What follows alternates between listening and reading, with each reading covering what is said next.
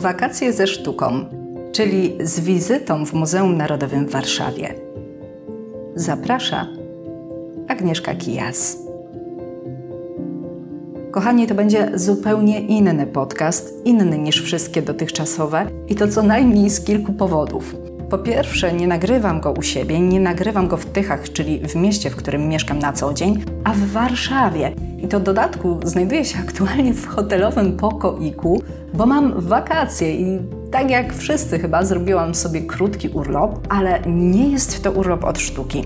I tu dochodzimy do tego po drugie, ponieważ właśnie wróciłam ze zwiedzania Muzeum Narodowego w Warszawie i to jest właśnie mój główny powód wyjazdu do Warszawy. I wciąż jeszcze szaleją we mnie te wszystkie emocje, wrażenia, którymi tak na gorąco chciałabym się z Wami podzielić.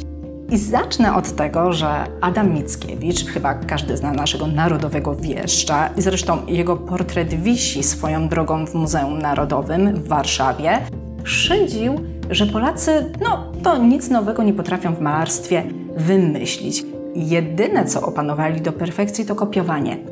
Na szczęście nie miał racji, co udowodnili oczywiście wspaniali polscy artyści, tacy jak choćby Matejko, Malczewski, Gieryński, Hełmoński.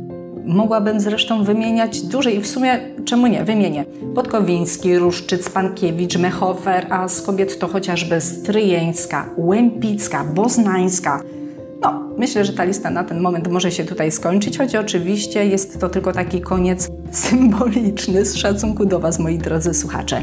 I chociaż zdaję sobie sprawę doskonale z tego, że Mickiewicz i Stryjeńska no to żyli w innych czasach, dzieli ich spory kawałek czasu, to jednak ta krótka lista nazwisk zadaje kłam słowom Mickiewicza. Natomiast czy te nazwiska coś Wam mówią? I ostatnio, jeszcze przed moim wyjazdem do Warszawy, przeprowadziłam taki mały eksperyment na moich znajomych, bo poprosiłam ich o to, żeby tak bez zastanowienia, prosto z mostu, wskazali trzech swoich ulubionych malarzy polskich i po trzy obrazy każdego z nich. Proste? no, dla mnie tak, ale moim koleżankom i kolegom to zadanie sprawiło nie lada problem. I wiecie co? Mnie to wcale nie dziwi. Sęk w tym, że nikt nas nie nauczył czytać sztuki. To znaczy, owszem, znamy bociany, choć już nie do końca kojarzymy nazwisko autora, bo jak on się nazywał? Wiemy też, że był jakiś Witkacy, ale gorzej już jest ze wskazaniem jego obrazów. Może jakieś wymienimy, ale tak nie do końca jesteśmy pewni, czy to są te ulubione. Zresztą całkiem niedawno jeden mój znajomy, i to już taki artysta malarz, a więc człowiek, który żyje blisko sztuki, pomylił obraz Witkacego z Wyspiańskim. Zdarza się. W pamięci każdego Polaka wyrył się natomiast Matejko wraz ze swoją bitwą pod Grunwaldem. No, nie ma co się dziwić, że ten obraz zna każdy. Każdy. To taki malarski komiks, jak mi całkiem niedawno powiedział jeden dziennikarz. Tylko jak ten cały Matejko miał na imię? I to pytanie zadałam trójce nastolatków. Zapytałam ich o to, jak na imię miał Matejko. I tak, jeden nie wiedział, drugi obstawiał Stacha i tylko trzeci nieśmiało szepnął, że chyba Jan? I dając na końcu ten wyraźny znak zapytania, bo nie był pewny. A przecież gdy jedziemy za granicę, na urlop, na wypoczynek, to prawie zawsze obowiązkowym punktem wycieczki jest wizyta w muzeum. Kiedy jedziemy do Paryża, biegniemy do Louvru, by oddać pokłon Monalizie. Pobyt w Madrycie z kolei łączy się na ogół ze zwiedzaniem Prado. A National Gallery no, to jeden z głównych punktów wycieczki do Londynu. Takie atrakcje turystyczne, które są w ofercie prawie każdego biura podróży i bardzo dobrze niech tak będzie, wręcz tak ma być. Tylko pamiętajmy, że wcale nie musimy ruszać się z kraju, by podziwiać wspaniałe dzieła sztuki. Niektóre są wręcz na wyciągnięcie ręki. I właśnie wiedziona tą myślą wsiadłam do pociągu i obrałam azymut na Muzeum Narodowe w Warszawie. Jechałam mega podekscytowana, wszystko zresztą miałam zaplanowane, ale wiecie jak to jest. Plany swoje, życie swoje. Niestety moja pierwsza próba zwiedzenia muzeum skończyła się totalnym fiaskiem, bo galeria XIX wieku była zamknięta, a właśnie ją przede wszystkim chciałam zobaczyć. Było to oczywiście podyktowane reżimem sanitarnym z powodu koronawirusa i po prostu dostęp do sal wystawowych został ograniczony. One są aktualnie otwierane rotacyjne, czyli jednego dnia ta, drugiego tamta, trzeciego jeszcze inna. Jest jakiś na to harmonogram. Za to bilet, który zakupicie, jest ważny przez tydzień. Tak byśmy mogli w ciągu 7 dni oglądnąć wszystkie interesujące nas ekspozycje. Więc niby wszystko pięknie, niby wszystko ładnie, tylko szkoda, że ta informacja nie została w wyraźny sposób zaznaczona na stronie internetowej. Co prawda, no trzeba przyznać, w końcu znajdziemy ją w jakiejś podzakładce, ale i tak mało osób do tej podzakładki trafi, bo ja na przykład nie trafiłam, a gwarantuję Wam, że przed wyjazdem szperałam na tej stronie dość porządnie. I gdy wracałam, no to nos miałam zwieszony na kwintę, a jedyną pociechą były zakupione w muzealnym sklepiku drobiazgi, bo ten sklepik jest naprawdę fajnie zaopatrzony. I tak, nabyłam tam komiks opowiadający o Tamarze Łępickiej i bardzo fajnie narysowany. Oczywiście, no, musicie zdawać sobie sprawę, że taki komiks to nie jest nic nadzwyczajnego pod kątem wiedzy, ale myślę, że to jest bardzo fajna forma na to, żeby prezentować artystów. Miałam też napisaną przez Witkacego książkę, a także kilka reprodukcji obrazów, taki no pocieszacz, bo ich w rzeczywistości nie udało się zobaczyć. Po tygodniu, czyli dzisiaj, to znaczy moje dzisiaj, bo podcast pewnie pojawi się na kanale z opóźnieniem, podjęłam drugą próbę zwiedzania muzeum i jechałam tutaj z duszą na ramieniu. Obawiałam się, że znowu coś pokręciłam, ale miałam też jednak w sobie ogromne pokłady nadziei, że wreszcie uda się i oglądnę to, na czym mi zależy. I wiecie co? Udało się, udało się i to bardzo. Oczywiście muzeum nadal trzyma się tych wszystkich obostrzeń i restrykcji związanych z koronawirusem, więc nie zwiedza się muzeum aż tak swobodnie jak wcześniej. I na pewno takim obowiązkowym elementem wyposażenia, który musicie mieć ze sobą, jest maseczka, maseczka na twarz. I warto ich zabrać ze sobą kilka, jeśli chcecie spędzić w muzeum nieco więcej czasu. Bo nie wiem jak Wam, ale myślę, że Wam też. Mnie fatalnie się w takiej maseczce oddycha. Nieco też się pogubiłam w muzealnych korytarzach i gdy wreszcie weszłam do sali XIX wieku, no to byłam już tak dosyć mocno zdyszana, dosyć mocno zmachana. I kiedy tak zipiąc i sapiąc stanęłam no, w tej galerii, tak tyle co tam weszłam, to jako pierwsze zobaczyłam na ścianie bociany Hełmońskiego i omal nie padłam ze śmiechu, bo potraktowałam to jako taki dobry znak na start, dobry znak na początek te malarskie bociany, znane jeszcze przecież ze szkoły, które tam oglądaliśmy w podręcznikach do historii albo do plastyki, albo nawet i do polskiego, to właśnie te bociany od razu skojarzyły mi się z tym. Bocian! Patrz! Bocian! Jak on żyje, to znaczy, że my też możemy! Ha, ha, ha! Ajajaj! Bocian, bociusz! Ściągaj to! Lamia, ściągaj tę pilotkę! Oczywiście to cytat z Sex Misji, kultowego filmu Juliusza Machulskiego i muszę Wam przyznać, że właśnie tak należy traktować dzisiaj sztukę. Właśnie tak, z przymrużeniem oka, z pewnym luzem, z dystansem. Owszem, wiem, co Hełmoński miał na myśli, tworząc obraz starca i młodego chłopca zapatrzonych w niebo. Jasne, Czytam te wszystkie symbole, czytam te wszystkie znaczenia, patrzę na kolory, rozumiem. Niemniej jednak żyję tu i teraz, żyję dzisiaj, w 2020 roku i w moich czasach mam prawo jako odbiorca nadać temu, co widzę, nadać temu obrazowi nowe znaczenie. Moje, prywatne i własne. Mam prawo po prostu bawić się sztuką i czerpać z niej radość. Mam prawo odetchnąć w ogrodzie Mechofera, czy też spojrzeć głęboko w oczy smutnej Żydówki Gierymskiego. I o tym, jak wspaniałe są to obrazy, które zobaczyłam w muzeum, to dzisiaj opowiadać Wam nie będę, bo w trakcie zwiedzania nagrałam mnóstwo filmików, ja je zmontuję i będziecie je wszystkie mogli oglądać na moim YouTubie, tam Was odsyłam. Kanał oczywiście nazywa się dokładnie tak samo jak ten, czyli dawno temu w sztuce. Natomiast chcę Wam powiedzieć, i to chcę Wam to powiedzieć jako osoba, która kocha malarstwo, że nic, dosłownie nic na świecie nie zastąpi kontaktu z żywym obrazem. Żadna reprodukcja, żaden film, żaden artykuł, czy też nawet żaden podcast, nic. I mogłabym tu stawać na rzęsach, mogłabym Wam opowiadać o tym, jak to Pankiewicz namalował łabędzie na nocnym stawie. ale dopóki nie wybierzecie się tam sami nie staniecie przed tym obrazem, będziecie jedynie odbiorcami moich emocji. Nie poczujecie tych własnych. Taki intymny sam na sam potrafi w nas wywołać uczucia, o które nigdy wcześniej byśmy się nie podejrzewali, i to całą kaskadę. I ja tę kaskadę przeżyłam dzisiaj i powiem wprost.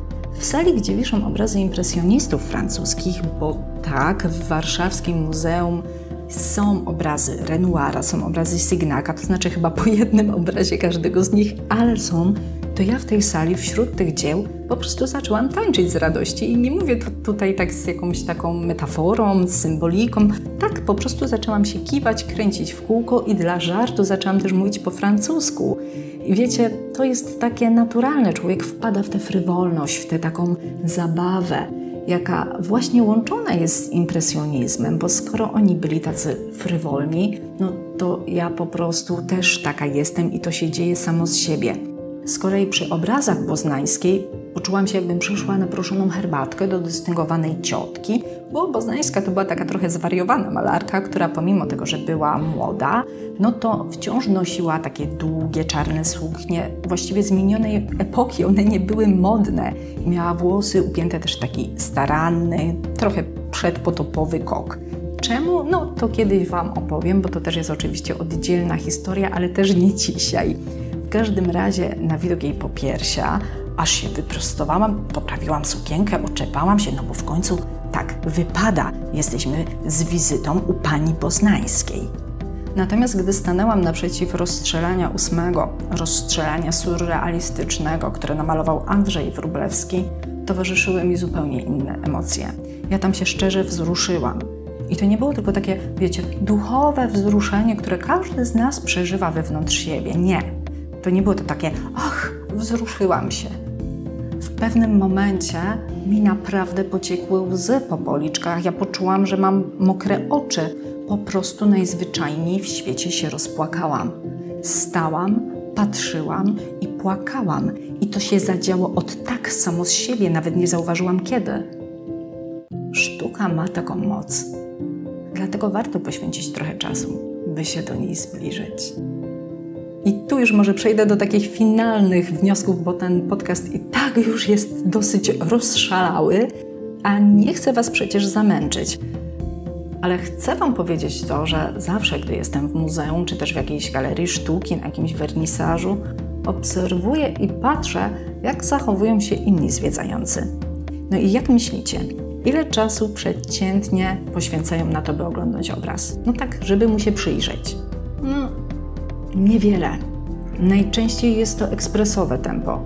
Owszem, no, są wyjątki, raz na jakiś czas ktoś przystanie, pokiwa głową, ale i tak nie trwa to długo. Oczywiście raz na jakiś czas można spotkać w muzeum innego pasjonata sztuki, może nam się zdarzyć taka niespodzianka. I mi ona zdarzyła się przykładowo w Kolonii, gdy zwiedzałam Muzeum Ludwik. Miało to miejsce rok temu i wówczas sporo czasu przegadałam z pewnym Kalifornijczykiem przy wariacji Picassa na temat śniadania na trawie. Po prostu tak nam się buzie nie zamykały, że nie mogliśmy się wspólnie nacieszyć tym, na co patrzymy i wzajemnie przekazywaliśmy sobie wiedzę. Jednak na ogół, gdy oglądamy obrazy, to oglądamy je taśmowo, bez zrozumienia.